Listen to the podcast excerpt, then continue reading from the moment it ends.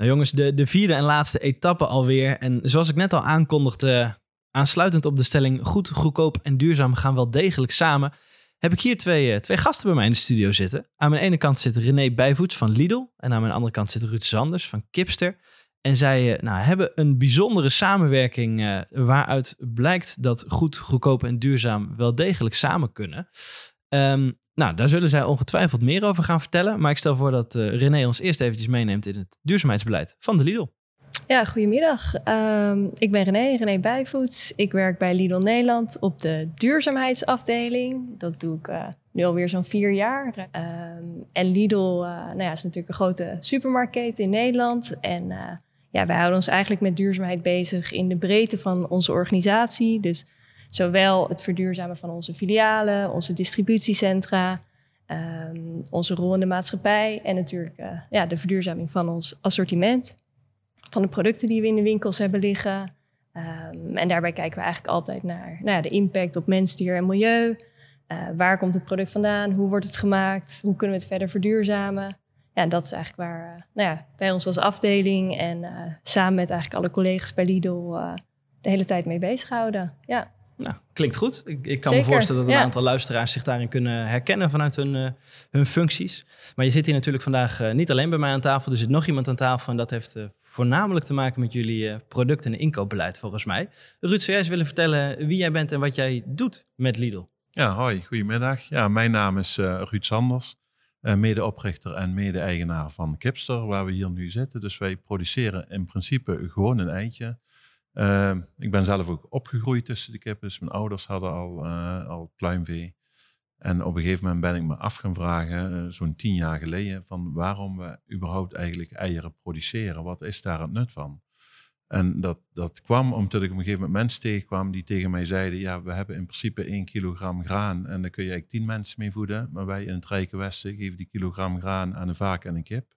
Om dan in principe via een inefficiënte weg nog twee tot vier mensen te kunnen voeden.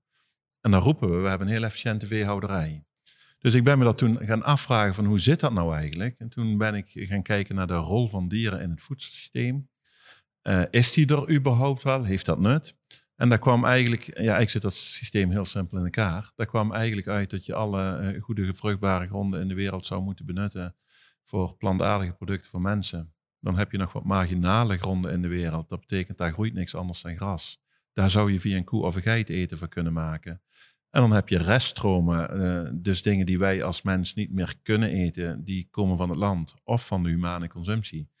En die zou je dan vaak een kip kunnen geven. En die eten dat op. En daar krijg je dan wat eieren en vlees voor terug. En als je dat zo doet, dan heb je in één keer een heel efficiënt systeem. Nou, en daar ben ik met eh, drie van mijn compagnons, Maurits, Olivier en Stijmie, aan de slag gegaan om dat verder uit te werken. En dat is eigenlijk de basis van wat wij bij Capsule doen. Eh, alleen maar eh, producten voeren aan onze kippen die wij als mensen niet meer kunnen of willen eten. Doen we ondertussen 3,5 jaar en daarmee zijn we nog steeds de enige commerciële legpluimveehouderij in de wereld die dat op die manier doet. Nou, dat was eigenlijk onze basis. En van daaruit zijn we gaan zeggen, ja, en daar komen nog heel veel andere dingen bij. Want als je dan eh, dus de arrogantie hebt als mens dat wij vinden dat wij dieren mogen benutten in het voedselsysteem, dan moet je dat ook wel zo goed mogelijk doen voor het dier. Dus kijk zo goed mogelijk naar eh, eh, wat zo'n kip eigenlijk wel. Nou, en er zijn ook de laatste 10 tot 20 jaar heel veel eh, onderzoeken op. En dan zijn kippen en, en varkens ook nog veel meer. Dat zijn toch hele intelligente wezens met emoties en gevoelens. Dus daar moet je proberen zo goed mogelijk rekening mee te houden. Nou, dat doen we. Ehm, nou, en vervolgens hebben we nu alle andere dingen als energie, klimaatneutrale openheid, transparantie, fijnstof en, en, en. En dat, dat, dat lossen wij in ieder geval allemaal op onze manier op, laat ik maar zo zeggen. Nou, en dan heb je een heel leuk systeem bedacht, maar dan kom je er ook bij van ja, we hebben van alles bedacht, maar er moet eigenlijk ook wel iemand zijn die dan zegt ja, maar eh, we willen jij hier ook hebben. Nou, dus we zijn eigenlijk meteen toe zijn gaan denken van hoe we dit zouden gaan doen, 2013 al. Eh, zijn we in supermarktland rond gaan kijken. En toen was eigenlijk vanaf het begin Lidl gewoon de meest enthousiaste over het verhaal wat we vertelden. Dus alleen maar het verhaal wat we vertelden. En daar, eh, ja, daar is volgens mij een hele bijzondere samenwerking uitgerold.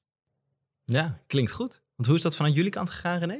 Nou, ik denk wat Kipster eigenlijk voor ons heel erg, eh, ja, wat ons heel erg daarin aansprak, is dat er best wel veel overeenkomsten zijn tussen de manier waarop Kipster naar dingen kijkt en de manier waarop wij in onze eigen bedrijfsvoering kijken. Dus Kipster is ook constant bezig om eh, nou ja, energiezuinig te werken, eh, een klimaatneutraal ei te produceren, eh, alle grondstoffen die er zijn zo, zo goed mogelijk te benutten. En dat zijn eigenlijk dingen die wij ook heel erg doen. Dus wij kijken ook constant hoe kunnen we onze filialen zo duurzaam mogelijk bouwen, hoe kunnen we ehm, zo min mogelijk verspillen eigenlijk dat soort thema's, dat, nou ja, dat is iets wat bij Kipster heel erg leeft, maar dat past ook heel erg bij ons. Dus dat is iets wat ons sowieso heel erg eh, nou ja, in dit concept aansprak. Want het was toen echt nog een concept. Er was nog helemaal geen stal of iets. Ehm, nou, en op het moment dat, eh, dat die gesprekken gevoerd waren, toen aan de ene kant paste het dus heel goed bij elkaar. Tegelijkertijd, ja, wij zijn toch een supermarkt waar iedereen boodschappen doet. En hoe mooi is het dan als je zo'n duurzaam ei ook echt voor iedereen toegankelijk kan maken? Nou, dat is iets wat we met al onze duurzame producten willen doen. Maar ja, hoe mooi is het als je dat eh, voor zo'n ei als kipster dan ook kan doen. Dus op die manier waren we eigenlijk hartstikke enthousiast over, eh, nou ja, over dit concept. Eh, maar het heeft nog wel eventjes geduurd voordat het ei uiteindelijk echt in de winkel kwam te liggen. Want ik geloof dat het oktober 2017 was dat we daadwerkelijk zijn gestart. Ehm, en nu zijn we alweer in de tweede kipsterboerderij. Dus dat laat ook wel zien dat de klant uiteindelijk bij Lidl echt kipster omarmd heeft. Ja, precies. Want hoe is dat gegaan, Ruud? Nadat jullie, eh, jullie zijn natuurlijk wezen pitchen bij alle retailers van jongens, we hebben een fantastisch idee. Nou, Lidl eh, was enthousiast. En toen? Eh, en, en, toen duurde duurde een hele tijd voordat we het echt rond hadden. Nou, ik denk, we zijn rond 2013 zijn we bij iedereen langs geweest. Of nagenoeg iedereen. En ehm, nou, wat ik net zei, Lidl was echt wel vanaf het begin het meest enthousiaste over wat we vertelden. Maar dan merk je ook wel dat daar moet natuurlijk ook eh, eh, alle molens door. Hè? Iedereen moet er mee eens zijn, ook een inkoper en een duurzaamheidsmanager tot aan de directie en toe. Dus nou, dat zijn best wel wegen.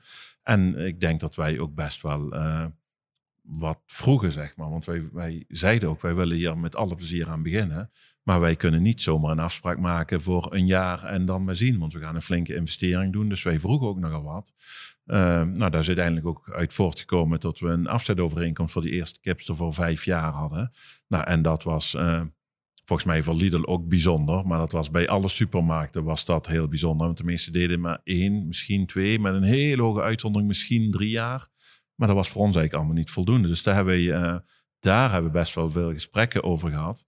En eh, ik moet ook wel eerlijk zijn, was ook wel af en toe een, een half jaar dat we eigenlijk niks hoorden. En dat er ongetwijfeld iemand ergens mee bezig was, maar dat we daar niet echt contact over hadden. Dus ik heb ook wel momenten gehad dat ik dacht, we hebben wel echt wel heel leuke ideeën. Maar volgens mij wordt het allemaal niks. Totdat op een gegeven moment toch weer uh, gebeld was, we moeten wel doorpraten. En in één keer ja, blijkt er iedereen achter te staan. Ja, nu pakken we ook door. Nou, dat was in 2016. Ik denk, ik denk maart, april 2016. Nou, vervolgens wordt dan een contract opgesteld. Dat heeft ook allemaal zijn tijd nodig. Dus toen hebben we 4 oktober 2016 hebben we het contract getekend. En alleen dat moment al, dat is eigenlijk gewoon een heel bijzonder moment. Want wij hadden niks als ons verhaal. Precies wat ik jullie nu vertaal, zeg maar, dat vertelde ik toen ook tegen Lidl.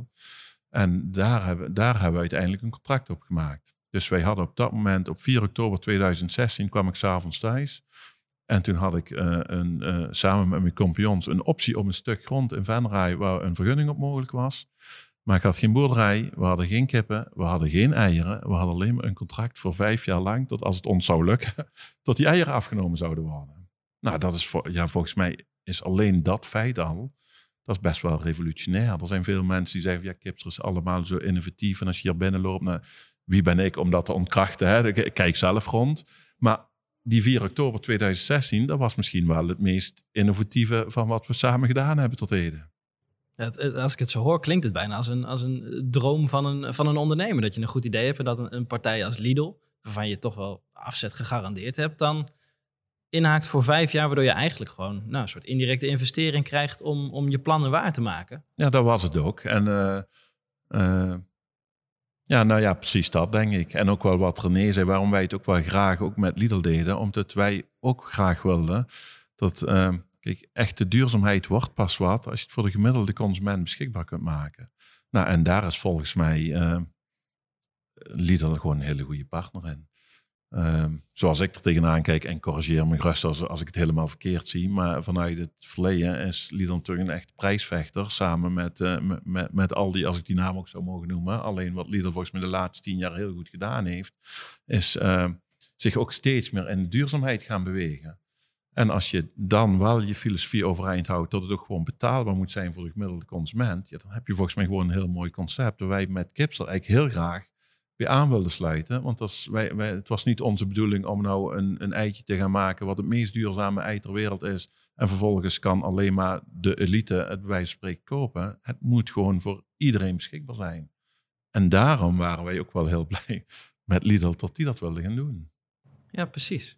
Nee, ja, helemaal eens met wat Ruud zegt. En nou ja, ook voor ons, het is best wel eh, uniek dat je dus een contract van vijf jaar met elkaar afsluit op basis van een verhaal. Er lag nog geen ei, er, lag nog geen, er was nog geen stal, er was eigenlijk nog helemaal niks. En toch ga je met elkaar vijf jaar eh, die samenwerking aan. Dus dat is echt wel heel bijzonder. Maar toch echt omdat we er allemaal eh, in geloofden. En precies wat Ruud ook zegt, het feit dat je het dus voor een hele grote groep betaalbaar kan maken, eh, dat is sowieso de belofte die wij hebben. We willen altijd de hoogste kwaliteit bieden. Nou ja, daar zit ook het stuk duurzaamheid in. Echt producten bieden met, nou ja, die met zorg voor mensen die in het milieu zijn gemaakt maar wel voor een betaalbare prijs. En dat, eh, nou, ik vind het echt nog steeds altijd een van de mooiste dingen dat we op die manier Kipster eh, voor iedereen betaalbaar kunnen maken.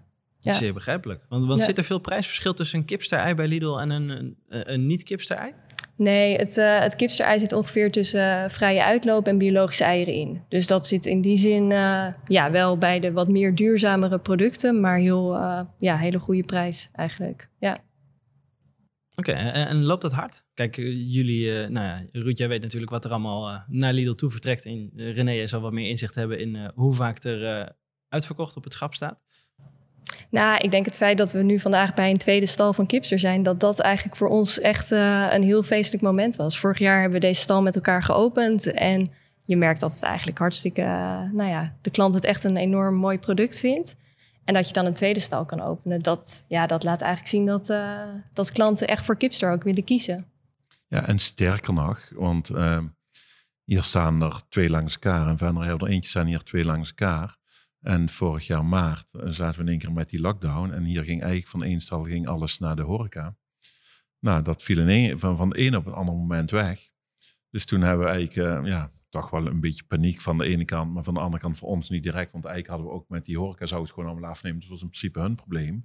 Maar daar was best wel wat paniek. En toen hebben we heel simpel eh, vanuit verschillende partners van ons, zeg maar, van compagnons van mij, hebben we wat mailtjes naar Lidl gedaan. Maar eigenlijk was het binnen één of twee weken, volgens mij, ik weet niet meer precies, was het gewoon geregeld dat Lidl zei van nou, doe, doe dan die derde er ook maar bij. En dat gebeurt eigenlijk tot heden nog steeds. Dus het is niet eens tot er twee, eh, van twee naar uh, kipsels naar Lidl gaan, maar in principe op dit moment zelfs van drie. Terwijl ik eigenlijk nooit terughoor dat er, eh, dat er eieren weggegooid zouden moeten worden omdat ze niet verkocht worden. Er zal misschien best wel iets afverdering zijn, het zal wel op alle producten zijn, denk ik, maar dat weet ik niet eens. Maar we horen het eigenlijk nooit. Dus dat is best wel, ja, dat is best wel bijzonder eigenlijk. Nee, en ik, ik, denk dat, dat dat moment is ook weer zo'n mooi voorbeeld dat het echt om een samenwerking gaat. En dat wil je natuurlijk eigenlijk eh, zoveel mogelijk met je leveranciers doen. We hebben ook afgelopen jaar met corona eh, ook met, met leveranciers van aardappel bijvoorbeeld gekeken van hoe kunnen we nou samen in zo'n coronaperiode ervoor zorgen dat je eigenlijk niets gaat verspillen. Want dat is precies de situatie die je wil voorkomen, dat er verspilling plaatsvindt. Dat, dat past gewoon niet bij ons als organisatie. Nou, ook niet bij een concept als Kipster. Ehm, maar hetzelfde hebben we ook gedaan met, met onze leverancier bijvoorbeeld van aardappel, met frietjes die normaal naar de horeca ook gingen. Ehm, en ik denk dat dat ook een beetje is waar duurzaamheid om gaat. Dat je echt met elkaar iedere keer kijkt hoe je weer eh, nou ja, stappen kan zetten en ervoor kan zorgen dat er dus in zo'n geval niks verspild wordt. Wat zijn jullie als Lidl dan ook? Geven jullie dan wel eens iets toe op je marges? Want eh, nou, ik, ik heb natuurlijk regelmatig contact met, uh, met leveranciers, producenten die nou, soms wel wat kritisch zijn op de standaard marge die vanuit een aantal retailers gehanteerd wordt. Gewoon dit percentage komt bovenop jouw product. Maar zijn jullie dan met zo'n product bijvoorbeeld bereid om, om daar wat op toe te geven om dat bereikbaar te maken voor de consument? Nou, ik denk dat Ruud dat misschien nog iets beter weet. Ik werk zelf natuurlijk niet op de inkoopafdeling, maar echt op de duurzaamheidsafdeling. Ehm, maar volgens mij zijn wij heel transparant naar elkaar toe over het kipsterei en de prijs die daarbij komt. Ja, en ik denk, ik kan natuurlijk niet helemaal inschatten, want ik heb niet helemaal inzicht in de inkoopcijfers van Lidl, hoef ik niet te hebben. Maar ik schat in dat de marge op onze eieren eh, ook voor Lidl eh, prima is en nagenoeg gelijk aan andersoortige eieren. Eh, het zal wel wat, bij andere eieren zal het wat meer variëren, omdat wij hebben met Lidl een vaste prijs afgesproken die varieert met onze variabele kosten, dus met de voerprijs.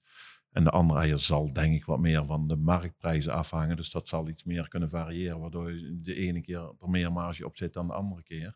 Maar gemiddeld genomen schat ik in tot ook, ook voor Lidl hier net, net een marge op zit. En ik denk dat dat moet ook, hè, want ik, ik heb er zelf altijd een beetje een hekel aan als leveranciers of, of boeren altijd beginnen te zeggen, ja, maar supermarkten pakken zoveel marge. Nou, ik, ik, vraag me dat af. Ik denk, uh, ik kan niet van alle supermarkten eh, de jaarcijfers zien, maar voor sommigen kan ik het wel zien. En dan draai je die 2 of 3 procent winst ten opzichte van de omzet. Dan denk je, van ja, hoe zoveel marge? Dat is eigenlijk, dat, daar zouden heel veel investeerders helemaal niet gelukkig mee zijn. Dus wat dat betreft, denk ik dat je er ook zo niet naar moet kijken. Je moet gewoon kijken, hebben wij een prijs waar wij het goed voor kunnen doen. Ja, wij hebben een prijs waar we gewoon tevreden mee zijn als wij ons vak goed doen. En dat is het houden van kippen. Dan kunnen wij er een prima boterham aan verdienen.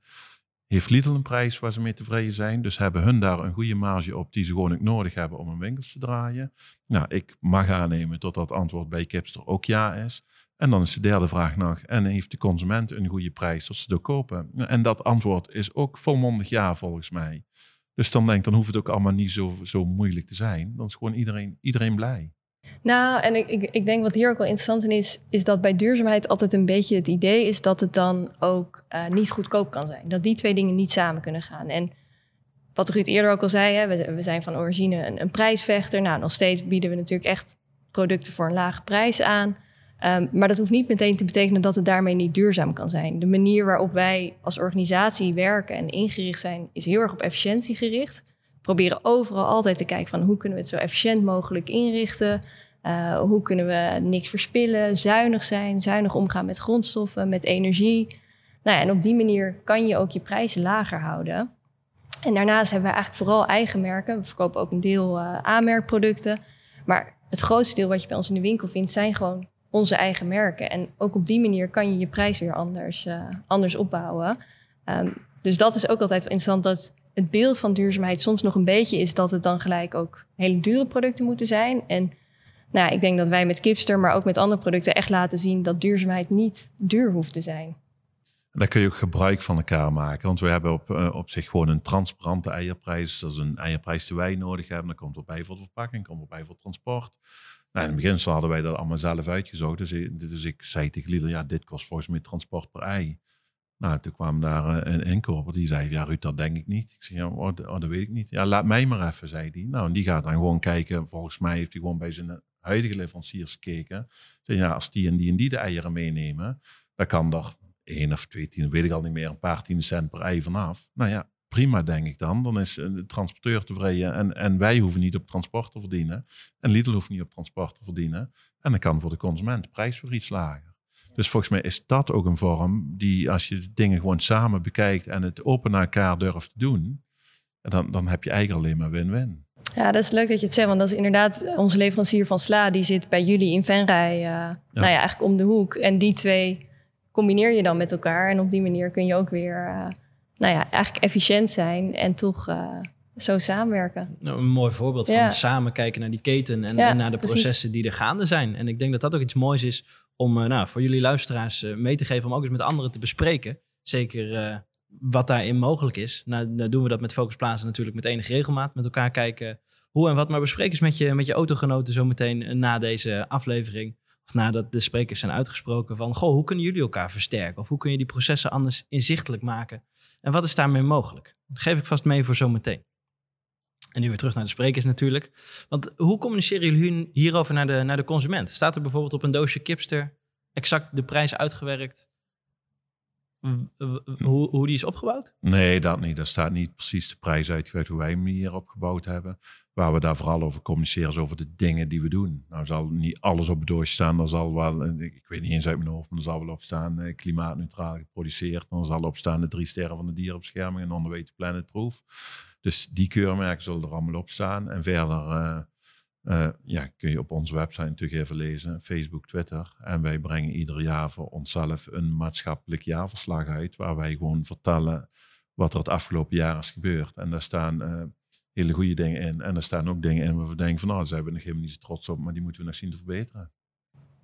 Ja, en, en op die manier, kijk, Kipster is een van de voorbeelden waar wij ook altijd graag eh, vanuit Lidl natuurlijk over vertellen. Dus in onze folder, richting onze klant, is Kipster wel altijd een voorbeeld wat we, wat we heel graag noemen.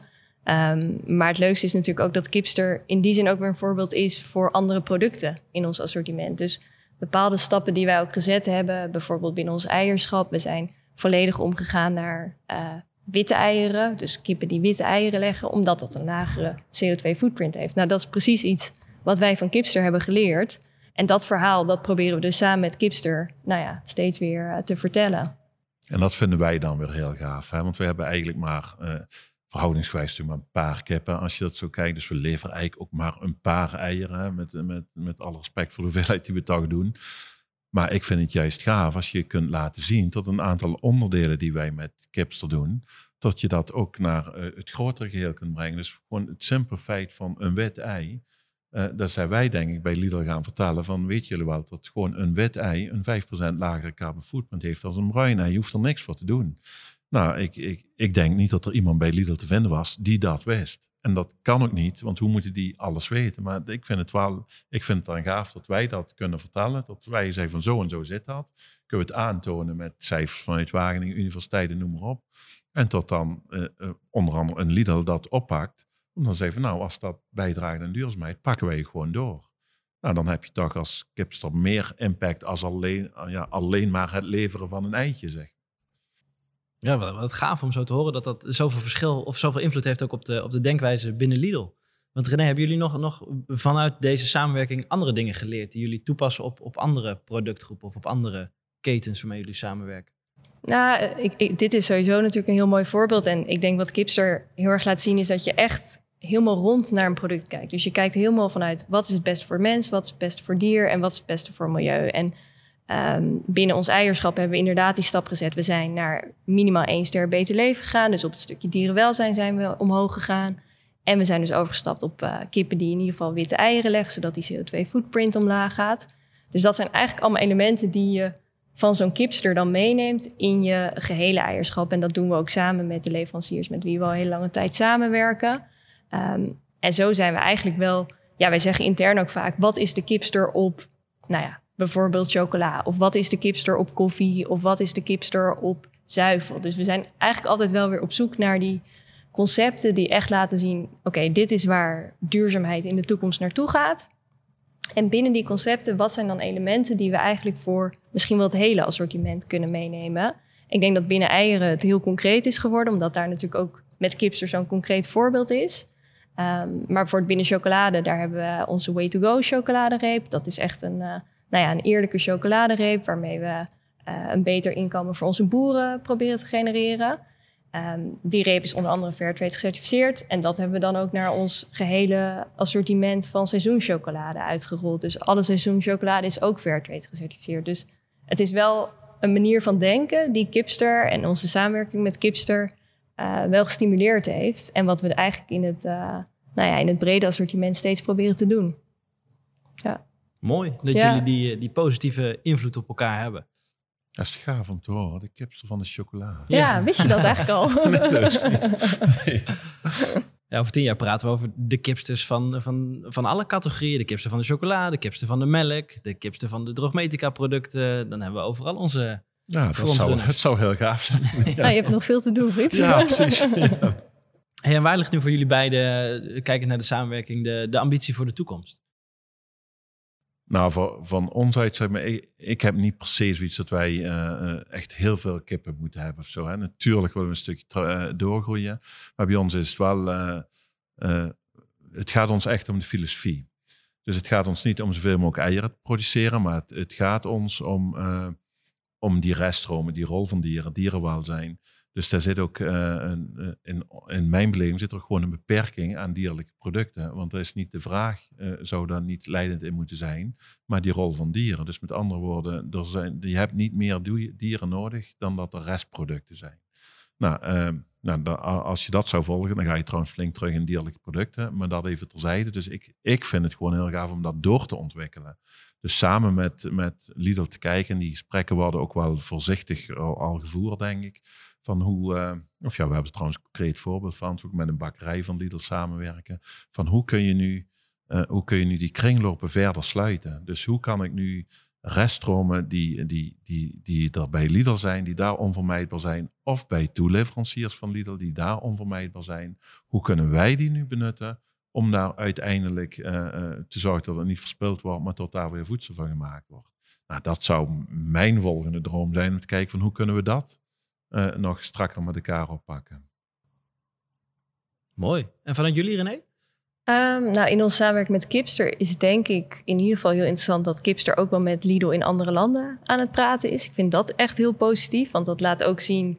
Kijk, wij zijn Lidl in Nederland. Uh, we zijn natuurlijk onderdeel van een grote internationale organisatie. En ik denk het mooie is dat Ruud en nou ja, collega's van Ruud uiteindelijk bij Lidl zijn gestart en, en dat die samenwerking is ontstaan, dat je ook dus de grens over kan gaan. En eh, er zijn al afspraken met Lidl in België. Nou, er wordt ook gesproken in andere landen. Dus ik, ik vind dat super positief en eh, denk echt een mooie stap voor de toekomst. Ik denk voor onszelf, waar wij vanuit Lidl eh, ook mee bezig zijn, is echt kijken hoe kunnen we onze CO2-footprint omlaag krijgen, hoe kunnen we onze uitstoot omlaag krijgen. Hoe kunnen we stappen zetten op dierenwelzijn? We gaan voort voor onze vleeswaren en onze verse kip volledig over naar uh, één ster beter leven. Nou, dat zijn allemaal stappen die je constant zet. En ik denk nogmaals dat die manier van waarop Kipster naar een product kijkt, dat zijn zeker dingen die wij eh, ook in de toekomst meenemen in ons hele assortiment. Ja. Ja, fantastisch. Ik denk dat dat ook iets moois is om aan de luisteraars mee te geven. Van, goh, Kijk nou eens om je heen naar, naar jouw keten, naar jouw productieprocessen en, en naar jouw samenwerkingspartners. Van goh, hoe kunnen wij nou op de kipster manier kijken naar ons product of onze branche en welke stappen kunnen we zetten om op die manier eh, nou, de wereld een stukje mooier en beter te maken.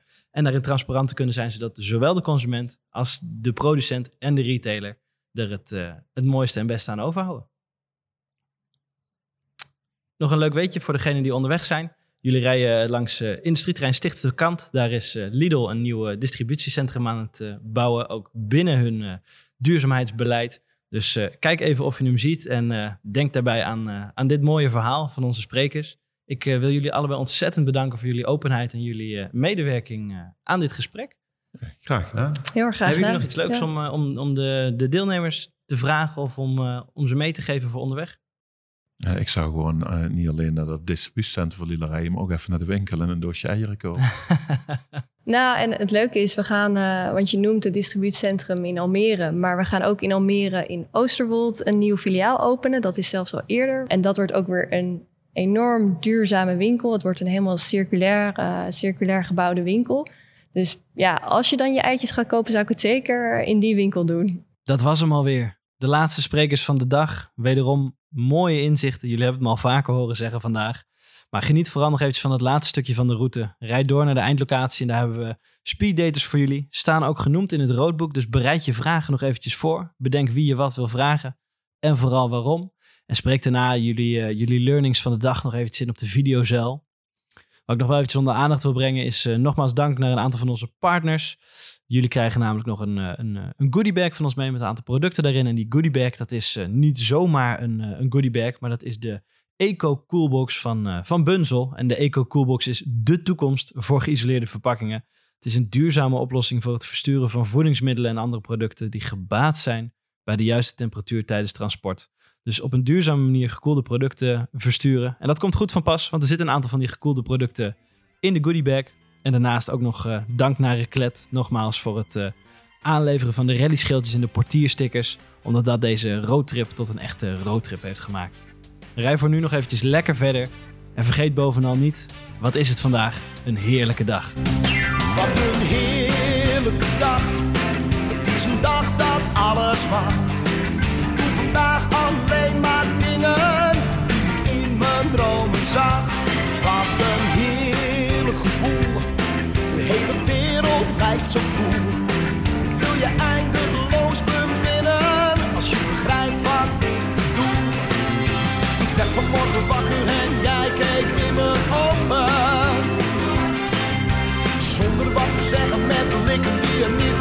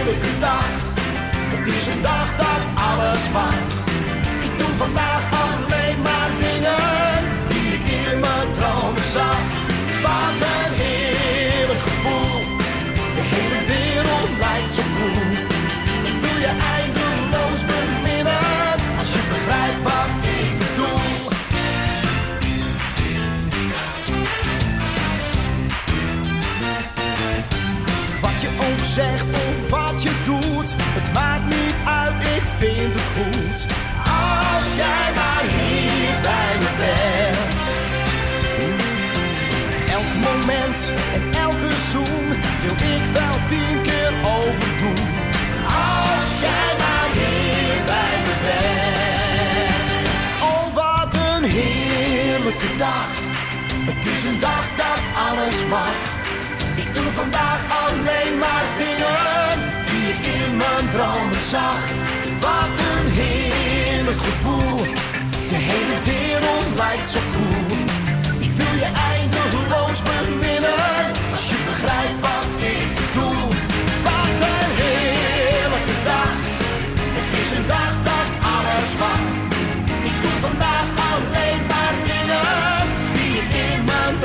song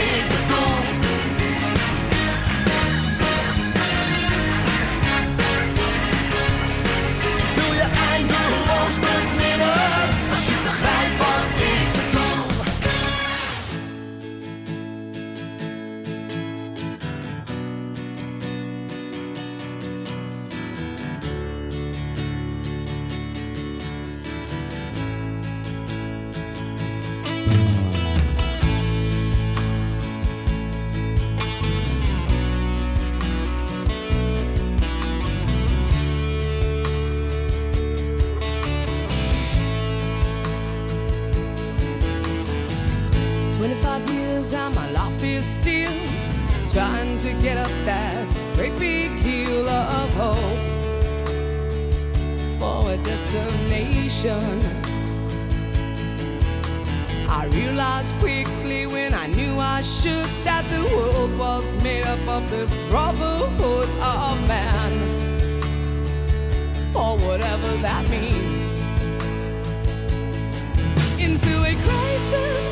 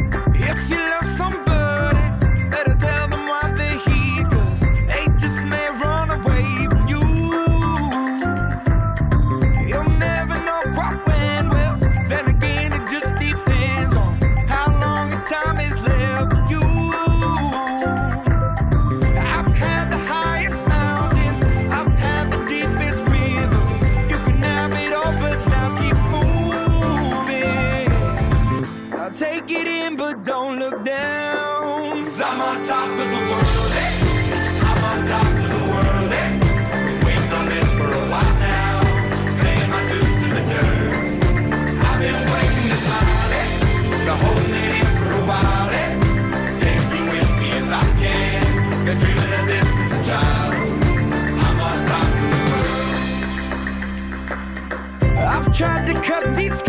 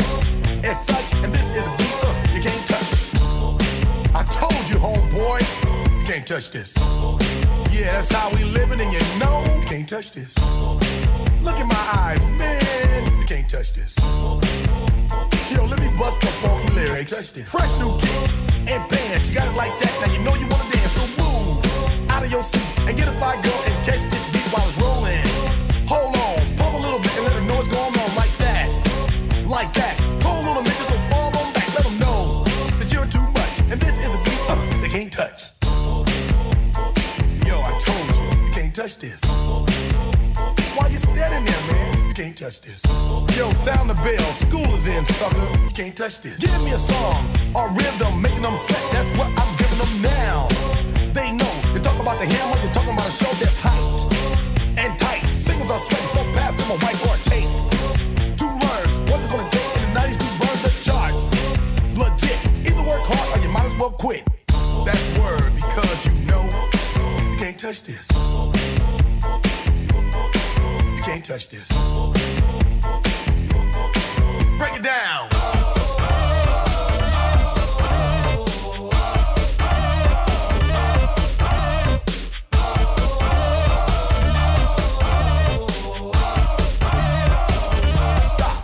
time. Go with the flow. It is said if you can't prove the list, then you probably are dead. So wave your hands in the air. Bust a few moves, run your fingers through your hair. This is it. For a winner, dance to this, and you're gonna get there. The move, slide your rump. Just for a minute, let's all do the bump. Bump, bump, Yeah. can't touch this. Look, man, can't touch this. You better get hype, boy, cause you know you can't, you can't touch this. Ring the bell, school's back in. Break it down.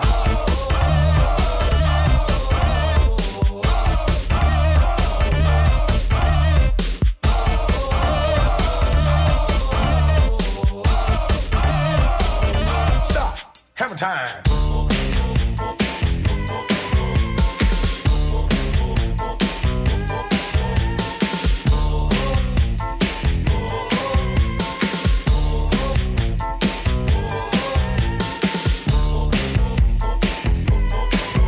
touch this.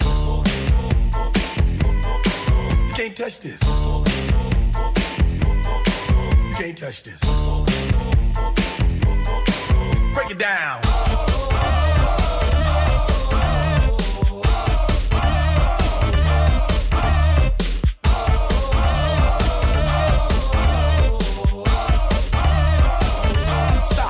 hammer time. Every time you see me, the hammer's just so hype. I'm dope on the floor and I'm magic on the mic. Now why would I ever stop doing this? With others making records that just don't hit. I tour around the world, from London to the Bay. It's hammer, go hammer, empty hammer, yo hammer, and the rest can't go in play. Can't touch this. Can't touch this.